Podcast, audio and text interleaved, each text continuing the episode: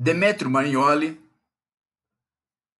e Augusto Nunes são os dois ignorantes que, durante vários dias, insistiram que as escolas poderiam ser abertas. Nunes na rádio, Demetrio Marignoli no jornal. Acontece que as escolas foram abertas, os professores como a gente disse que aconteceria, foram infectados. As crianças são transmissoras e agora, com a nova cepa, elas também estão ficando doentes. E nós já temos aí 20 mortos na rede pública aqui em São Paulo. Professores. Agora, Demetrio Marignoli não fala mais no assunto. Finge que não é com ele. Fala de biopolítica mas só que usa o conceito de maneira errada.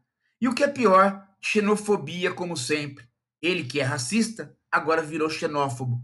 Começou a culpar a China pelo vírus, como se em qualquer outra sociedade capitalista não pudesse aparecer a mesma coisa e como se em todas as outras sociedades capitalistas não estivesse ocorrendo a mesma coisa.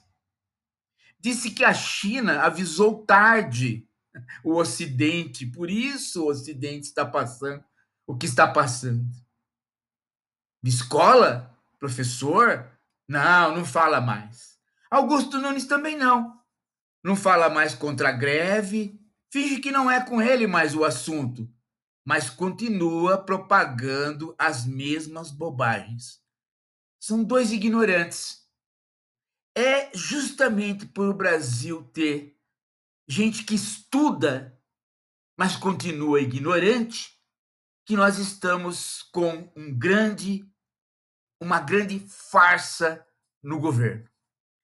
Nunes deveria se matar. Eu acho que para ele se matar seria o correto, dado que a vaidade dele se deteriora todos os dias, porque ele é muito vaidoso, olha no espelho e vê que está se tornando um traste.